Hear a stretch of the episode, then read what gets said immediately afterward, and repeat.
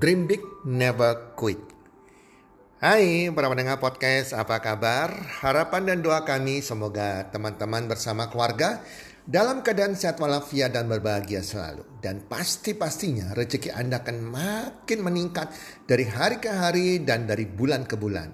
Dan tentunya keberuntungan serta kesuksesan menyertai Anda di sepanjang tahun ini.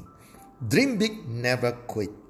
Para pendengar podcast, sahabat Health and Wealth Community, saya banyak mendapat curah, curahan, perasaan, dan pertanyaan yang ditujukan kepada kami tentang situasi pandemik saat ini yang memukul perekonomian mereka. Mereka juga ingin sukses, tetapi bingung bagaimana caranya, tidak ada gambaran sama sekali. Sedangkan di luar sana, di grup-grup WhatsApp, banyak sekali penawaran-penawaran untuk mendapatkan income cepat dengan berbagai modal yang ditawarkan kepada mereka. Mereka bingung apakah itu bukan jebakan Batman, apakah itu solusinya, dan bagaimana cara untuk mereka bisa keluar dari masalah keuangan mereka saat ini, apa yang mesti mereka lakukan untuk memperbaiki keadaan keuangan mereka saat ini. Nah, itu terjadi para pendengar podcast yang pertanyaan yang banyak datang kepada kami. Sebelum saya menjawab, saya akan ceritakan dulu dua kisah kesuksesan dari orang yang telah menjadi inspirasi dunia, termasuk menjadi inspirasi bagi kehidupan kami. Yang pertama adalah kisah sukses Kentucky Fried Chicken. Siapa sih yang tidak kenal restoran ayam goreng Kentucky Fried Chicken di mana ada satu miliar orang di dunia yang setiap hari mengkonsumsi Kentucky Fried Chicken. Pem, yang penemu pendiri Kentucky Fried Chicken tersebut adalah Colonel Harlan Sanders. Colonel Harlan Sanders. Nah kalau kita melihat kesuksesan beliau, beliau sukses dengan Kentucky Fried Chickennya bukan secara instan begitu saja, bukan semalam langsung sukses, tetapi dimulai dari usia tuanya. Dikala beliau sudah memasuki pensiunan dari Angkatan Darat, uang pensiunnya ini sangat kecil sehingga tidak mencukupi kebutuhan untuk hidup. Dari sinilah Kolonel Harlan Sanders mulai bermimpi. Mimpinya sederhana banget, tapi kuat sekali untuk punya penghasilan yang mencukupi kebutuhan hidupnya dan keluarganya. Ia tidak mau protes pada pemerintah yang memberikan uang pensiun yang rendah ataupun meminta belas kasihan kepada keluarga atau orang lain. Impian tersebut menjadi alat dorongan yang tepat bagi dia untuk dia melangkah, untuk dia menemukan impiannya. Dan impian tersebut juga enggak enggak enggak apa, bukannya impian saja tetapi harus ada alatnya juga. Alat yang tepat dan strateginya. Dan kebetulan beliau punya alatnya, alatnya untuk mencapai mewujudkan impian tersebut ya tentang impian keuangan pastinya agar kehidupan dia cukup setiap bulan lebih dari cukup setiap bulan ya adalah resep ayam goreng ciptaannya yang memakai 11 bumbu rahasia. Dia yakin ayam goreng ciptaannya ini dengan resep tersebut sangat enak sekali. Dan ini tidak ada saingannya. Itu yang dia percayai benar-benar. Dan dia sudah mengatur strateginya. Strateginya apa? Dia akan menawarkan kepada restoran-restoran tentang resep ayam goreng tersebut. Jika restoran tersebut suka dan menerima, maka diajak kerjasama di mana restoran tersebut menjual ayam goreng Kentucky Fried Chicken dan dia mendapatkan bagian dari keuntungan juga. Ya, karena dia tidak punya uang, tidak punya uang untuk uh, membangun sebuah restoran. Itulah sebabnya strateginya dia menawarkan kepada restoran yang punya modal. Dan dia punya modalnya resep ayam goreng tersebut. Nah teman-teman, mulailah ia melakukan. Dia mulai action. Ia mulai menawarkan resep ayam gorengnya tersebut di berbagai restoran, di berbagai kota untuk bersama dengan dia. Ia ditolak, ia ditertawakan, ia dilecehkan, dihina, apalagi orang-orang merasa aneh seorang tua yang yang apa menawarkan resep-resep ayam goreng itu hal yang aneh bagi masyarakat waktu itu. Tapi ia tidak pernah berhenti walaupun ditolak, ditolak. Ada seribu lebih penolakan yang ia alami. Ia tidak menyerah teman-teman. Ia tidak menyerah. Ia tetap sabar, tetap melakukan terus, tidak pernah berhenti. Menawarkan resep ayam gorengnya. Akhirnya ada restoran yang mau kerjasama dengan dia dan seterusnya. Hingga di usia 70 tahun ia baru menikmati kesuksesannya dengan bisnis Kentucky Fried Chickennya dan dia mengalami yang namanya kebebasan keuangan karena ia tidak pernah berhenti mencoba. Nah, kisah berikutnya adalah yang menginspirasi bagi saya juga adalah kisah Thomas Alva Edison, penemu bola lampu pijar. Dimulai juga dari impian.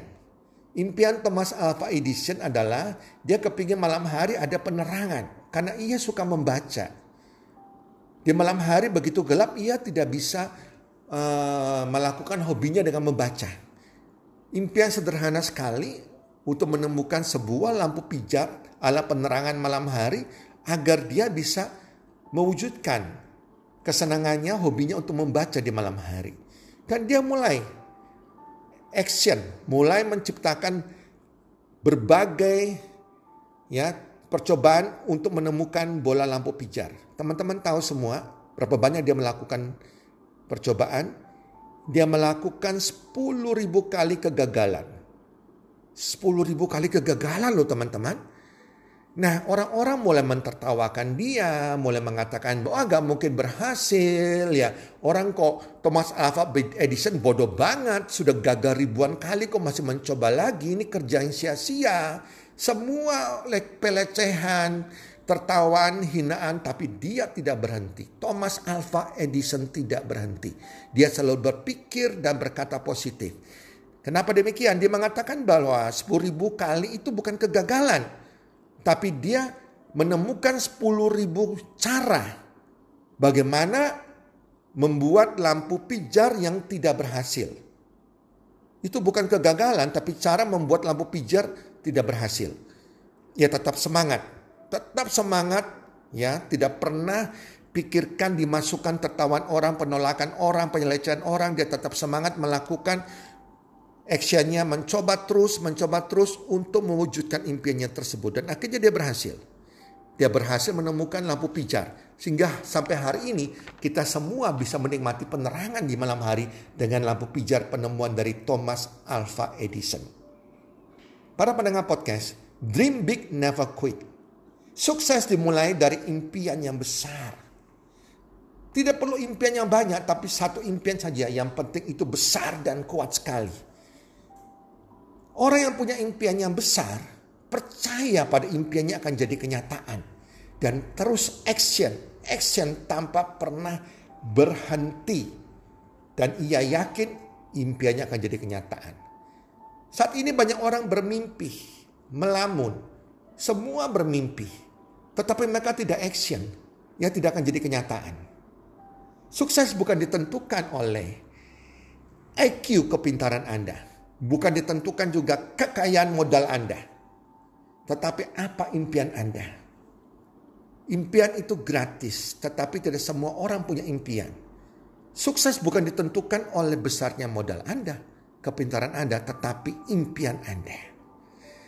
Para pendengar podcast, saya pernah mensurvei ratusan orang. Dari usia 20 tahun sampai dengan 50 tahun. Survei tentang dream impian. Saya bertanya kepada mereka, apa impian Anda lima tahun ke depan? Yang saya kaget sekali, 95% tidak bisa langsung menjawab.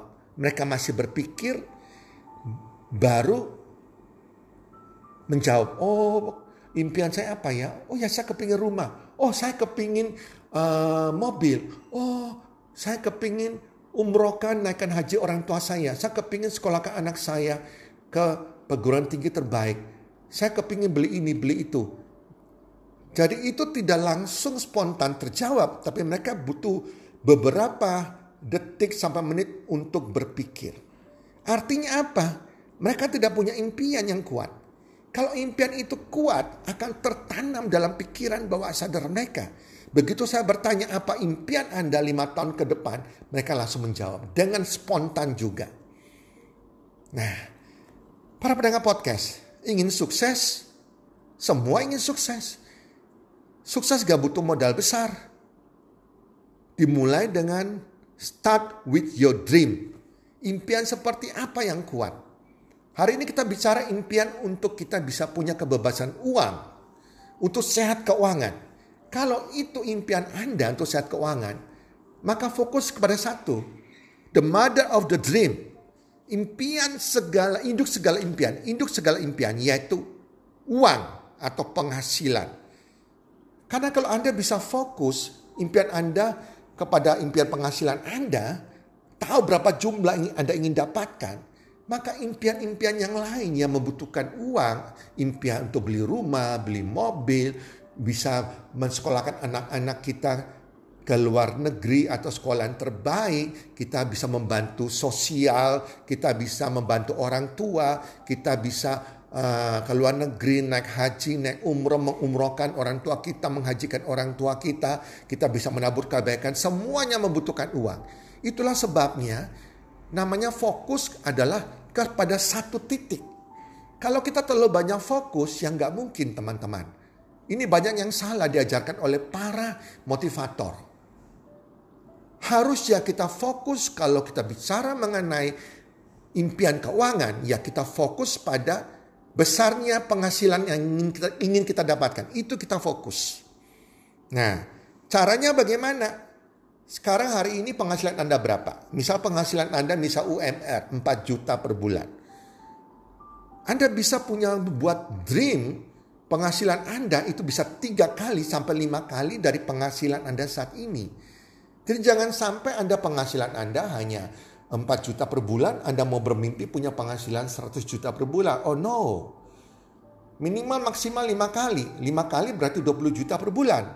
Itu adalah masuk akal. Dalam waktu satu tahun, tentukan timingnya satu tahun. Dan itu harus tertanam. Tertanam di pikiran bawah sadar Anda. Sehingga sungguh-sungguh ya pikiran bawah sadar ini akan menuntut Anda akan memotivasi Anda secara tidak langsung sehingga Anda bisa mencapai impian Anda itu. Dan afirmasikan, saya punya penghasilan 20 juta per bulan. Afirmasikan dengan membayangkan bahwa penghasilan itu sudah Anda dapatkan dengan perasaan yang happy sekali. Itu penting sekali teman-teman. Sukses gak butuh modal besar, butuh impian Anda dan bagaimana Anda bisa mengimajinasi kreatif mengafirmasi dan membayangkan Anda sudah terima penghasilan itu sehingga tertanam di pikiran bawah sadar Anda. Kalau Anda sudah mencapai 20 juta per bulan, kembangkan lagi, kembangkan lagi menjadi kalau naik lima kali berarti 100 juta per bulan. Itu yang harus Anda lakukan teman-teman. Jadi nggak bingung sana sini teman-teman. Nah teman-teman, yang kedua adalah apakah alatnya, bisnisnya, profesi Anda bisa mencapai impian penghasilan tersebut apa tidak. Yang ketiga adalah buat rencana strateginya atau blueprintnya untuk mencapai impian tersebut. Tadi saya kasih contoh impian Anda 4 juta per bulan. Sorry, maksudnya uh, oh, penghasilan Anda 4 juta per bulan. Impian Anda kan 3 sampai dengan 5 kali penghasilan tersebut. Dalam waktu setahun misalnya. Nah teman-teman, maka kita harus perkecil yang membuat target goal, rencana atau strateginya. Di mana setiap bulan harus ada kenaikan 10%. Kalau gaji Anda saat ini 4 juta per bulan, kalau naik 10% setiap bulan, berarti bulan depan harus mencapai 4 juta 400 ribu. Bulan depannya naik lagi 10%. Itu harus dibuat teman-teman. Itu namanya rencana atau strategi. Harus ada di sini. Nah, jika Anda sudah buat rencananya naik 10% per bulan, Sadar nggak teman-teman? Dalam waktu 12 bulan kemudian, penghasilan Anda sudah naik 120% loh teman-teman.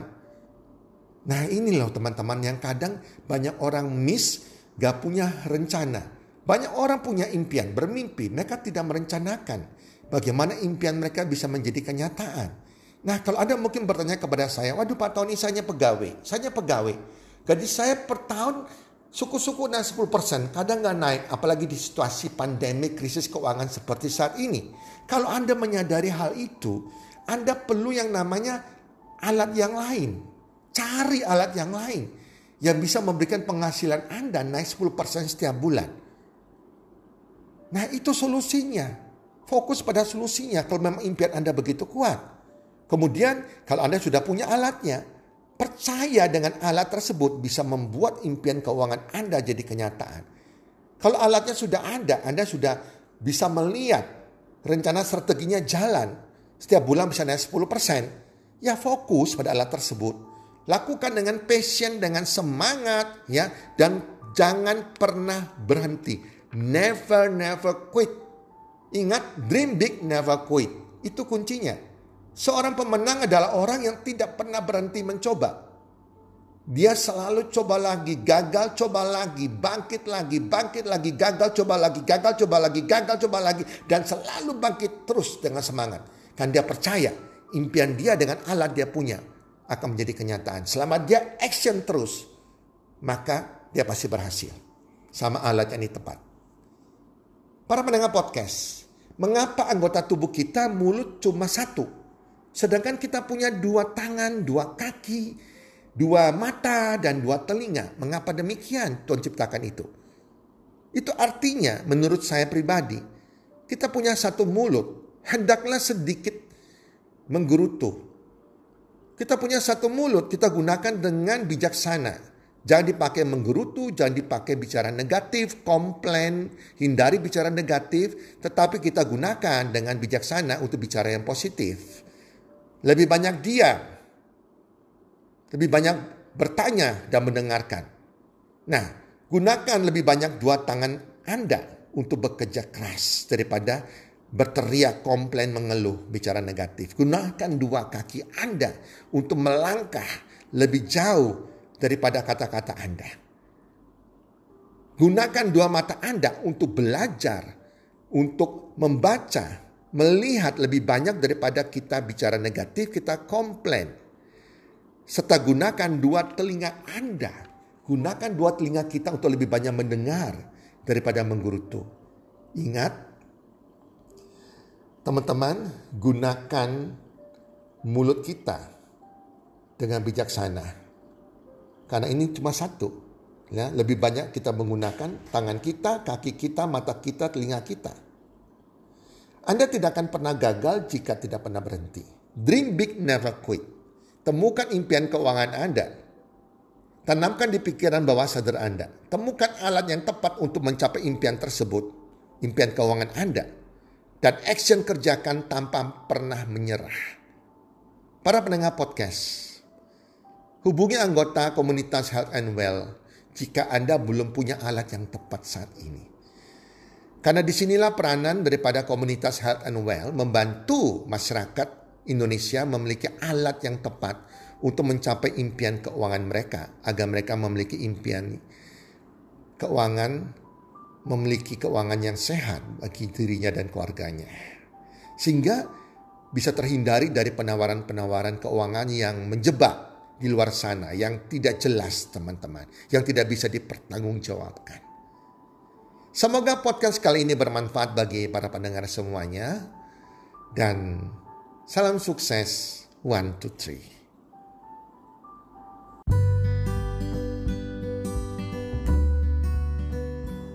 Terima kasih sudah mendengarkan podcast kami. Teman, jika Anda rasa bermanfaat, podcast kami ini, Anda bisa menginfokan kepada rekan kerja Anda, keluarga Anda, teman ataupun sahabat Anda. Dan jika ada hal-hal yang Anda ingin tanyakan kepada kami ataupun topik-topik apa yang Anda ingin kami bawakan, kami sampaikan, Anda bisa DM kami di Instagram kami healthcommunity.id. Salam one two three Salam sehat, sejahtera, dan bahagia.